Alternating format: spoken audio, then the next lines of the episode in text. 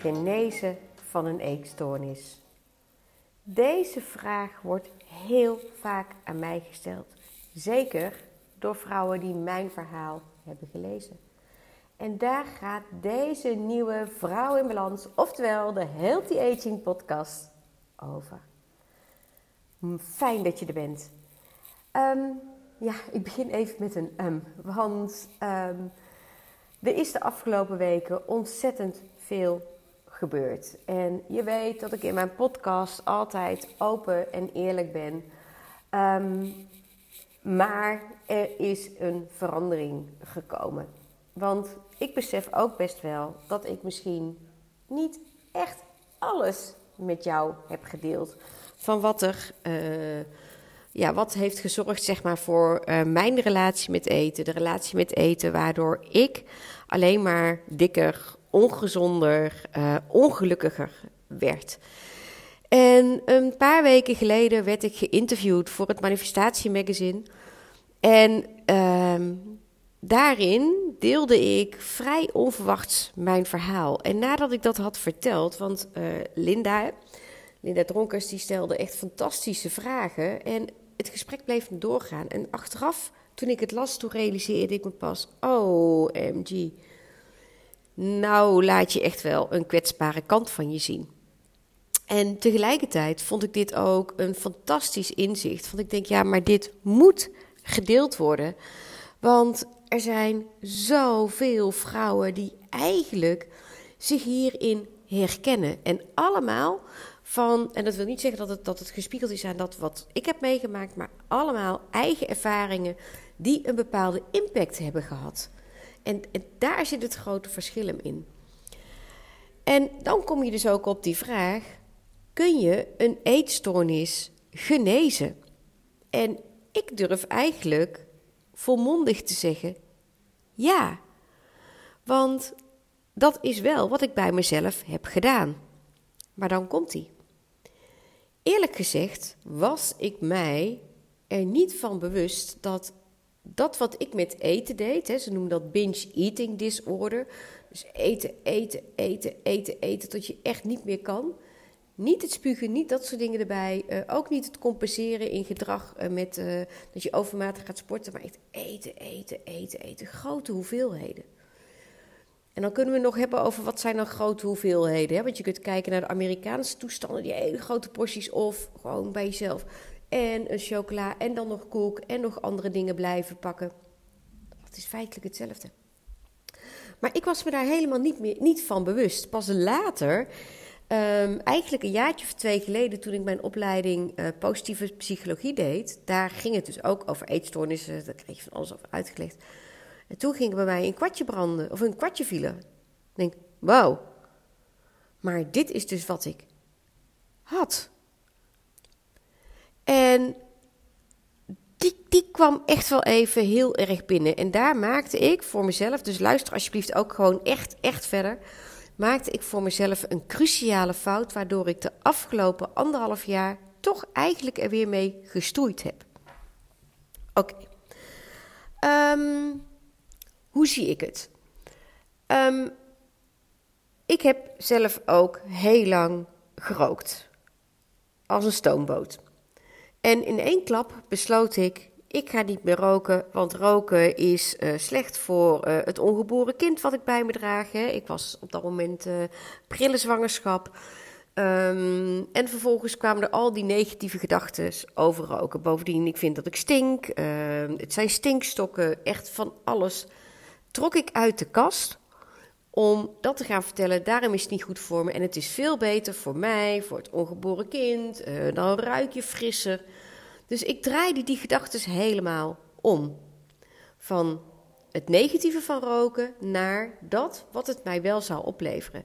En dat klonk zo goed dat ik dacht: ja, maar wacht even, hier ga ik voor. Ik kan dit, ik ga dit doen. En iedere keer als ik wel iemand zag roken, dan vertelde ik aan mezelf: nee, nee, nee, nee, ik trap er niet meer in. Ik ga niet meer voor die stomme stinkstokken. Ik zorg goed voor mezelf. En daarmee verdween dus eigenlijk die verslaving aan nicotine. Feitelijk heb ik hetzelfde gedaan met alcohol. ik heb, nadat ik het besluit nam om uh, mijn leefstijl om te gooien, heb ik al fors het alcoholverbruik verminderd. Omdat ik vertelde aan mezelf, dat is beter voor mijn gezondheid. Dan slaap ik beter. Van één glaasje kun je rustig genieten. Um, maar die grote hoeveelheden die ik daarvoor dronk, want ik kon ook echt gewoon stevig drinken, dat verdween dus. Dus ik ging de voordelen opnoemen en die klonken zo verleidelijk dat ik dacht: wauw, hier ga ik voor. En zo heb ik dat ook aangepast. Meteen al vanaf het begin, toen ik uh, besloot: ik ga mijn leefstijl omgooien met mijn eetpatroon. Dus iedere keer als ik toch zo'n neiging had om wel een greep te doen in die chipzak. Want die lag er gewoon in huis, zeker in het weekend. Weet je, ik heb ook kinderen, die waren toen natuurlijk tien jaar jonger dan nu. Um, dan zei ik tegen mezelf: nee, dat gaan we nu niet doen. Want hey, die gezonde, fitte, energieke vrouw.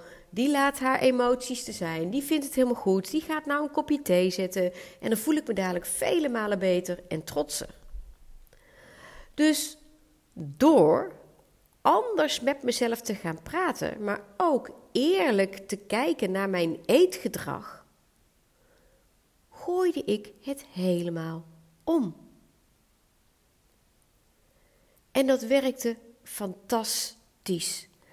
En ik weet nu waardoor dat zo goed werkt, want in de oude situatie was voor mijn uh, brein, voor je neurotransmitters, die zijn hormonen die in je brein zitten, haalde ik het geluk, het korte termijn geluk, uit eten. En nu draaide ik het om. Nu had ik dat eten ingeruild voor een gedachte en iets wat ik ook echt voelde en ervaarde. Dus het werd ook een ervaring die eigenlijk vele malen beter voelde dan dat eten. En later hè, zei ik ook tegen mensen van, nou weet je, ik ben helemaal verslaafd aan mijn nieuwe gezonde, fijne, energieke leefstijl en mijn nieuwe lijf. Ik word hier zo gelukkig van. Dus ik ruilde het ene in voor het andere. En daarmee verdwenen dus die eetbuien, die noodzaak om te eten. Oké. Nu dus twee jaar geleden ontdekte ik dat hoe ik met eten omging, wat ik met eten deed, daadwerkelijk een eetstoornis was. En op dat moment, en hier gaan we weer een cruciale les uithalen. Op dat moment begon dat in mijn hoofd te spoken. Wow, ik heb dus een eetstoornis gehad. Wow, ik heb een eetstoornis gehad. Ik heb een eetstoornis gehad. En hier stapte ik in de grootste valkuil die er was. Want ieder brein denkt in beelden. Ieder brein denkt in beelden. Ook als jij denkt, ik ben geen beelddenker. Dan nog hè, komt er in je brein een soort van beeld op op het moment dat ik bijvoorbeeld zeg, Calvé pindakaas. Je krijgt daar een herinnering bij. Dus op het moment dat ik begon te zeggen: Wow, ik had dus een eetstoornis, zag ik als het ware die eetstoornis vormen. En ineens werd het weer lastig. Ineens betrapte ik mijzelf echt s'nachts in de keuken met een fles cola, waar ik al een paar slokken uit had gedronken, en mijn hand in een zak chips. Bizar. En ik werd daar zo verdrietig van dat ik bij mezelf dacht: maar hoe kan dit? Hoe dan? Ik heb het verdorie acht jaar niet gedaan.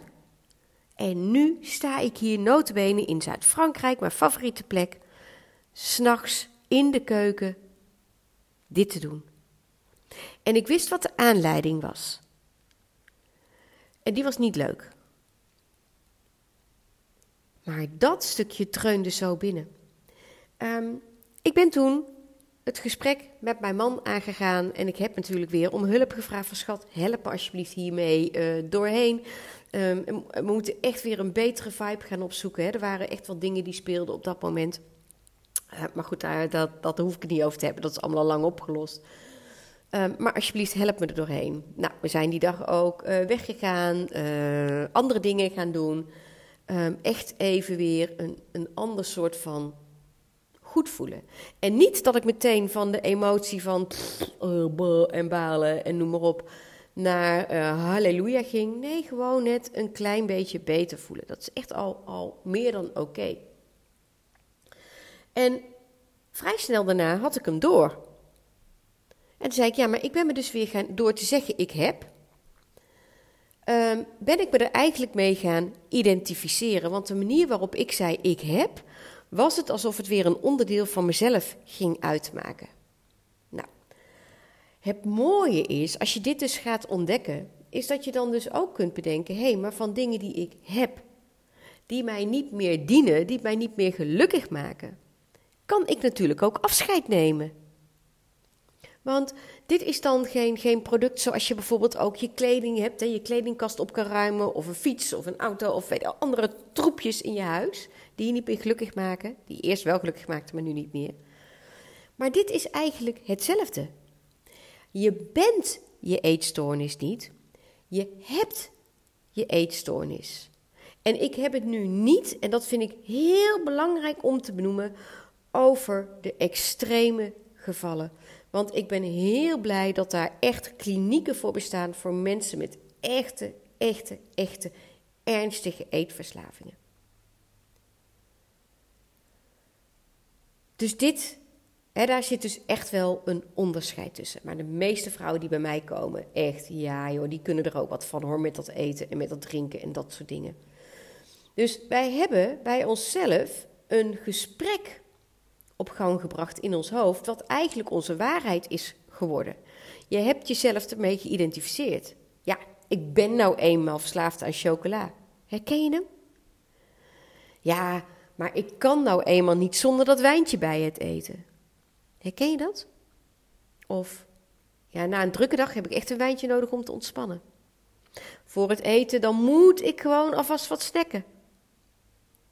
Dit zijn allemaal gedachten, overtuigingen die je hebt, maar die zijn echt gebaseerd op of de realiteit nu of het verleden. En je bent je daarmee gaan identificeren. Nou, het mooie is dat je hier dus gewoon afscheid van kan nemen. Je kunt gaan zeggen: Ik ben mijn eetstoornis niet. Ik had een eetstoornis en vanaf nu doe ik. En dan ga je dus benoemen wat je vanaf nu wel gaat doen. En vooral daar ook bij vertellen dat wat het jou oplevert. En dit zijn twee dingen die echt vergeten worden. En ik durf bijna te zeggen, hè, want ik, ik steek ook hand in eigen boezem. Ik doe dit ook echt wel eens bij dingen nog. Ik ben ook geen heilige. Is wij praten niet goed met onszelf. Dus die gedachten in je hoofd. Dus het gaat er niet om dat je dit aan een ander gaat vertellen, zoals ik dit nu bij jou doe. Nee, het gaat erom wat vertel ik tegen mezelf. Welk gesprek, welke gedachten spoken door mijn hoofd? En het wordt echt tijd dat je die eens gaat opmerken, lieve schat. En dat je die eens gaat uitschrijven. Heel simpel. Schrijf maar eens je gedachten op. Maar dat is wel lastig. Ik doe dat hier op kantoor hè, en voor mijn één op één coaches doe ik dat meestal. Dan zeggen ze, ja, maar hoe dan? Ik zeg, nou, vertel maar eens even wat je denkt. Ja, weet je, ik, ik baal van mijn buik. En dan zeg je, ja, wat wil je dan? En dan krijg ze het niet meer verwoord. En dan zeg ik, maar oké, wat zei je nou net tegen mij? Wat waren je gedachten? En die kunnen dan niet meer gereproduceerd worden. En ik leerde dit ook, hè. Dus Eigenlijk is het belangrijk om gewoon eens te gaan zitten met pen en papier en op te schrijven wat jou nu dwars zit. Heel vaak komt er dan boven, ja, ik baal ervan dat ik dan gewoon s'avonds op de bank plof en dat ik dan toch uiteindelijk naar de keuken loop, iets pak en blijf dooreten. Maar als ik dan een vraag stel, dan is dat stukje wat Maar wat zei ik dan? Gelukkig kan ik het dan uh, uh, opschrijven. Uh, ik doe dat dan vaak met een flip over erbij. En dan zeg ik, kom, zeg maar, schrijf maar. Zeg maar, ik schrijf wel voor je. Makkelijk. Een multitasken. Maar dit moet je eigenlijk gewoon ook zelf kunnen doen. Mijn coaches leren dit trouwens ook zelf doen. Hè? Want ik vind dat je het zelf moet, echt zelf moet leren. Maar als je dat dus hebt gedaan, dan kun je dus gaan kijken... Oké, maar word ik hier nou echt wel blij van, van dit gedrag? Nee. 9 van de 10 keer word je er eigenlijk, als je heel eerlijk bent, gewoon helemaal niet blij van. En dan kun je gaan opschrijven, maar wat wil ik wel? Dus bijvoorbeeld in dat geval van ja, maar ik baal van die buik. En hebben we hem niet eens tot in detail omschreven hoe die buik eruit zag. Dan kun je dus zeggen, wat wil je wel? Nou, zij zei gewoon, en dat zeggen de meeste van mijn coaches.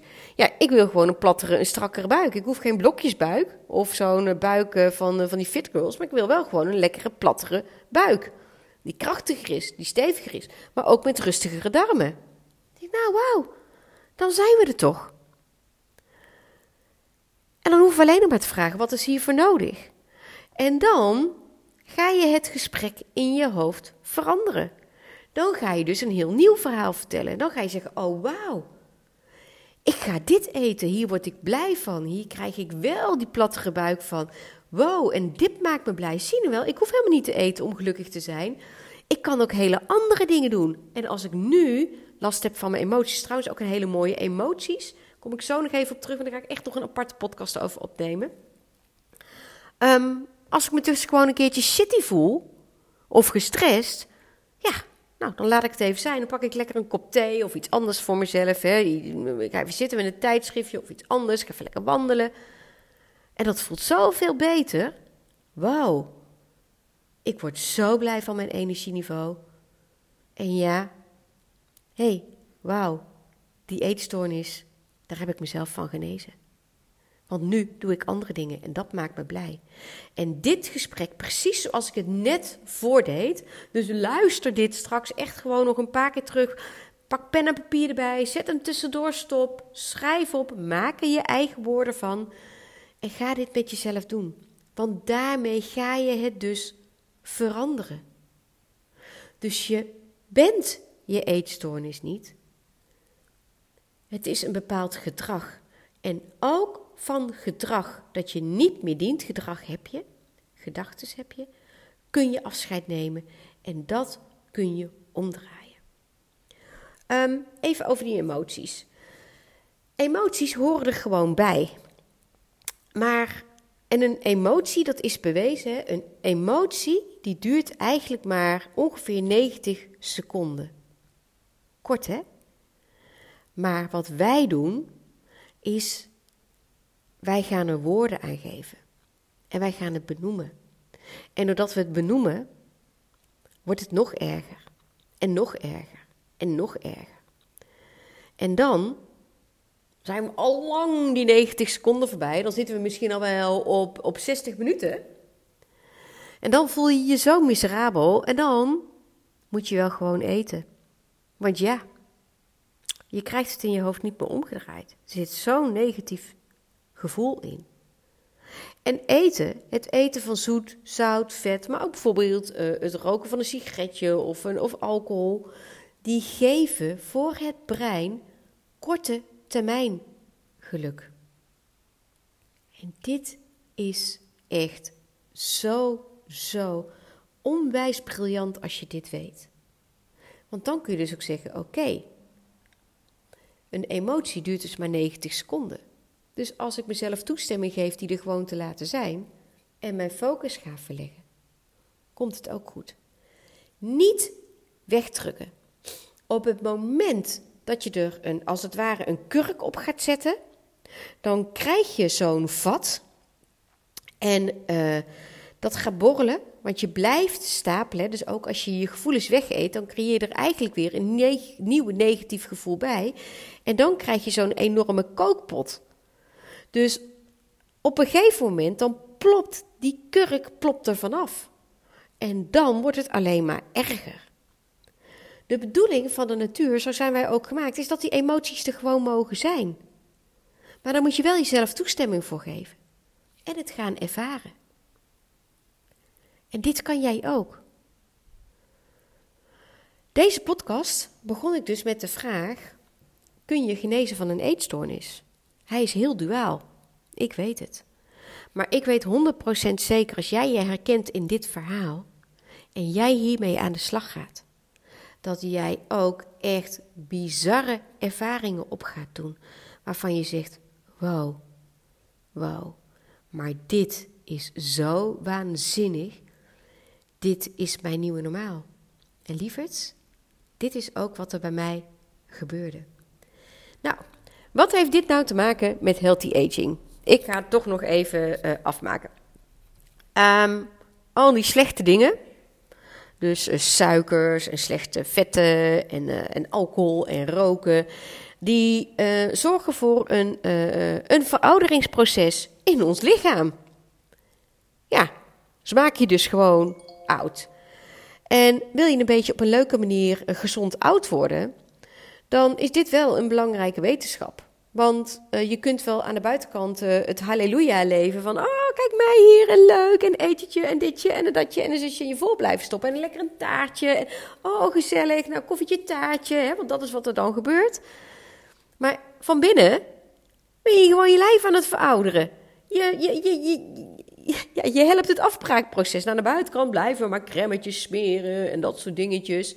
hey, gezondheid komt van binnen uit. Dus wil je aan healthy aging gaan doen, dan wil dat echt niet zeggen dat je helemaal niks meer mag. Hè? Hey, nee, no, no, no. In mijn coaching zit altijd de 80-20 regel. Tuurlijk. Helemaal zonder kan niet. Maar die overload, die is killing. En daarmee versnel je je eigen verouderingsproces en wordt het uiteindelijk alleen maar erger. Dus je bent zelf verantwoordelijk voor wat je in je mond stopt. Deze constatering vond ik trouwens ook heel erg heftig. Hè? Je bent zelf verantwoordelijk voor wat je in je mond stopt. En wat je in je mond stopt, dat is wat je aan je lijf geeft. Uh, dat maakt wat er in je lijf uh, gebeurt en dus ook wat je hebt en wat je krijgt. Nou, um, en hetzelfde geldt ook voor je gedachten. Want het gaat niet om eten, hebben voeding voor het lichaam en we hebben voeding voor het brein. Dus blijf jezelf volstoppen met die negatieve gedachten en jezelf dus klein houden en vertellen wat je allemaal niet kan. En ik noem dat altijd mijn och-arme ik-modus. Ik zeg dan altijd tegen mijn man, laat me alsjeblieft even lekker ach-arme ik zijn. Kan ik even uitkuren en daarna ga ik iets anders doen. Je moet even soms je brein leegmaken, hè. Um, maar je moet er niet meer in blijven hangen. Verdorie, je bent halverwege je leven. Er ligt nog een fantastisch leven voor je. We worden allemaal steeds ouder en jij kan kiezen hoe jij dat wil. En je bent geen kleinkind meer, maar je mag wel de vergelijking gaan maken naar kinderen. Hoe praten wij over het algemeen wel tegen kinderen? Kom op, je kan het. Super. Nou, even nog wat dingetjes aanpassen en je kan het. Ik ben trots op jou. Wauw, fantastisch. Je bent gevallen, maar je bent weer opgestaan en je gaat door. Oh, wat ben ik trots voor je. Kom, Doe het. Ga door. Daar word je blij van. Hé, hey, hallo. Praat jij zo tegen jezelf? Nee, hè? De meeste vrouwen niet. Ik deed het in ieder geval niet. Ik doe het nu ook niet altijd. Hè? Dat is wat ik ook steeds zeg. Ik wil echt gewoon hier de waarheid op tafel gooien met jou. Maar ik leer het wel 80% van de tijd doen. En daarmee verander je al heel veel. Dus jouw woorden, jouw gedachten in jouw hoofd, dat is voeding voor het brein. Dat is voeding voor jouw bodem van motivatie. Ook hetgeen wat je tegen een ander over jezelf zegt. Precies hetzelfde. En we houden ons allemaal klein. Veel te klein. En het is tijd dat dat stopt. Je bent nu een volwassen vrouw. Hey, neem de regie. Kom op joh. Wow, je kan dat meer dan ooit. Kijk eens tot waar je bent gekomen. En spiegel maar eens even aan andere situaties in je leven waarbij je dat wel hebt gedaan. Daar haal je je motivatie uit. Um, dus dat is voeding voor het brein. En daarmee beïnvloed je dus jouw eigen gedrag met eten. Daarnaast heb je voeding. Dus alles wat jij in je mond stopt, gaat je helpen of gaat je tegenwerken. En ik weet het, hè? ik heb ook jarenlang op een redder zitten wachten, maar die bestaat niet. Want er is niemand die het doodgedwongen in jouw mond stopt. Dat doen we gewoon zelf. ik moet er dan om lachen. Dan denk je, ja, dit is zo'n logische constatering. Maar als je ermee dealt, is dit geen logische constatering. En dat weet ik ook. Maar goed, ik hoop dat deze podcast jou weer heeft geholpen, heeft geïnspireerd om, om toch stappen te gaan zetten in die verandering. Als je daar zo ontzettend naar verlangt. En eigenlijk denk je, ja, weet je, ik wil dit gewoon heel graag. Ehm, ik hoop dat deze podcast jou weer heeft uh, geholpen en het is je gegund. Mocht je meer willen weten, ga naar mijn website www.claudiavesters.nl. Um, er zijn weer regelmatig live dagen op zaterdagen waarbij ik echt in kleine groepjes je ga leren hoe en wat. En de centrale vraag is altijd: wie is de vrouw die jij wel wil zijn? En daar gaan we mee aan de slag. Begint bij mind en dan werken we langzaam terug naar hormonen en dan naar de voeding. Um, de één op één coaching is natuurlijk. Je kunt mijn boekje bestellen. Je kunt mijn e-book uh, gratis downloaden. De weekplanner. En als je echt denkt, ja, ik, ik ben het zo beu, dit gevecht. Dan is natuurlijk ook nog de één op één coaching. En uh, waarbij ik jou ook hiermee kan helpen. Nou, ik hoop dat ik je mocht inspireren.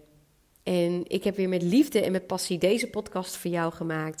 Ik zou het leuk vinden als je mij via social media, het liefste via Instagram, daar is mijn account, hashtag healthyaging.claudia.